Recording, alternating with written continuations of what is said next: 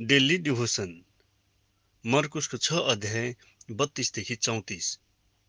अनि उहाँहरू डुङ्गामा सुटुक्क एउटा एकान्त ठाउँमा जानुभयो।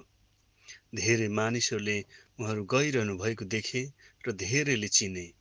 अनि सबै सहरहरूबाट पैदलै दौडेर त्यता गए र उहाँलाई उछिनेर अगाडि पुगे।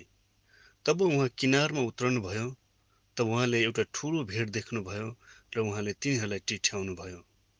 किनकि तिनीहरू गोठाला नभएका भेडाहरू जस्ता थिए र उहाँले तिनीहरूलाई धेरै कुरा सिकाउन लाग्नुभयो। यसु प्रभु शरीरमा हुनुहुँदा उहाँले मानिसहरूलाई प्रेम गर्नुभयो।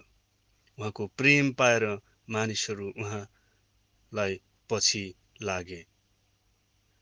एक घटनामाथि उल्लेख भएअनुसार मानिसहरू ठुलो भिड भएर उहाँको पछि लागे।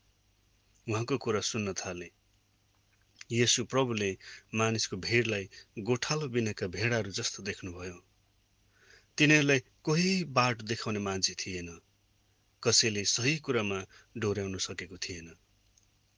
मानिसहरूको त्यो स्थिति देख्दा यीशु दयाले भरिनुभयो र तिनीहरूलाई निको पारिदिनुभयो अनि मानिसहरूलाई धेरै कुराहरू सिकाउनु भयो यसो आज पनि दयाले भरिनु भएकै छ। आज पनि उहाँ आफ्ना मानिसहरूलाई निको पार्दै हुनुहुन्छ र सिकाउँदै हुनुहुन्छ।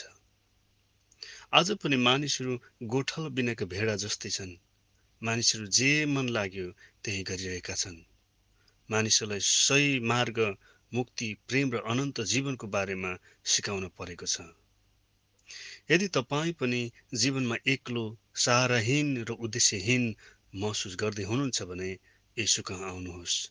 यसु नै हाम्रो असल मित्र असल गोठालो र गोरु हुनुहुन्छ। उहाँले बाटो देखाउनुहुनेछ सिकाउनुहुनेछ यसुले तपाईँलाई अति धेरै माया गर्नुहुन्छ। यसै कारण उहाँ क्रुसमा तपाईँको निम्ति बलि हुनुभयो। आमेन।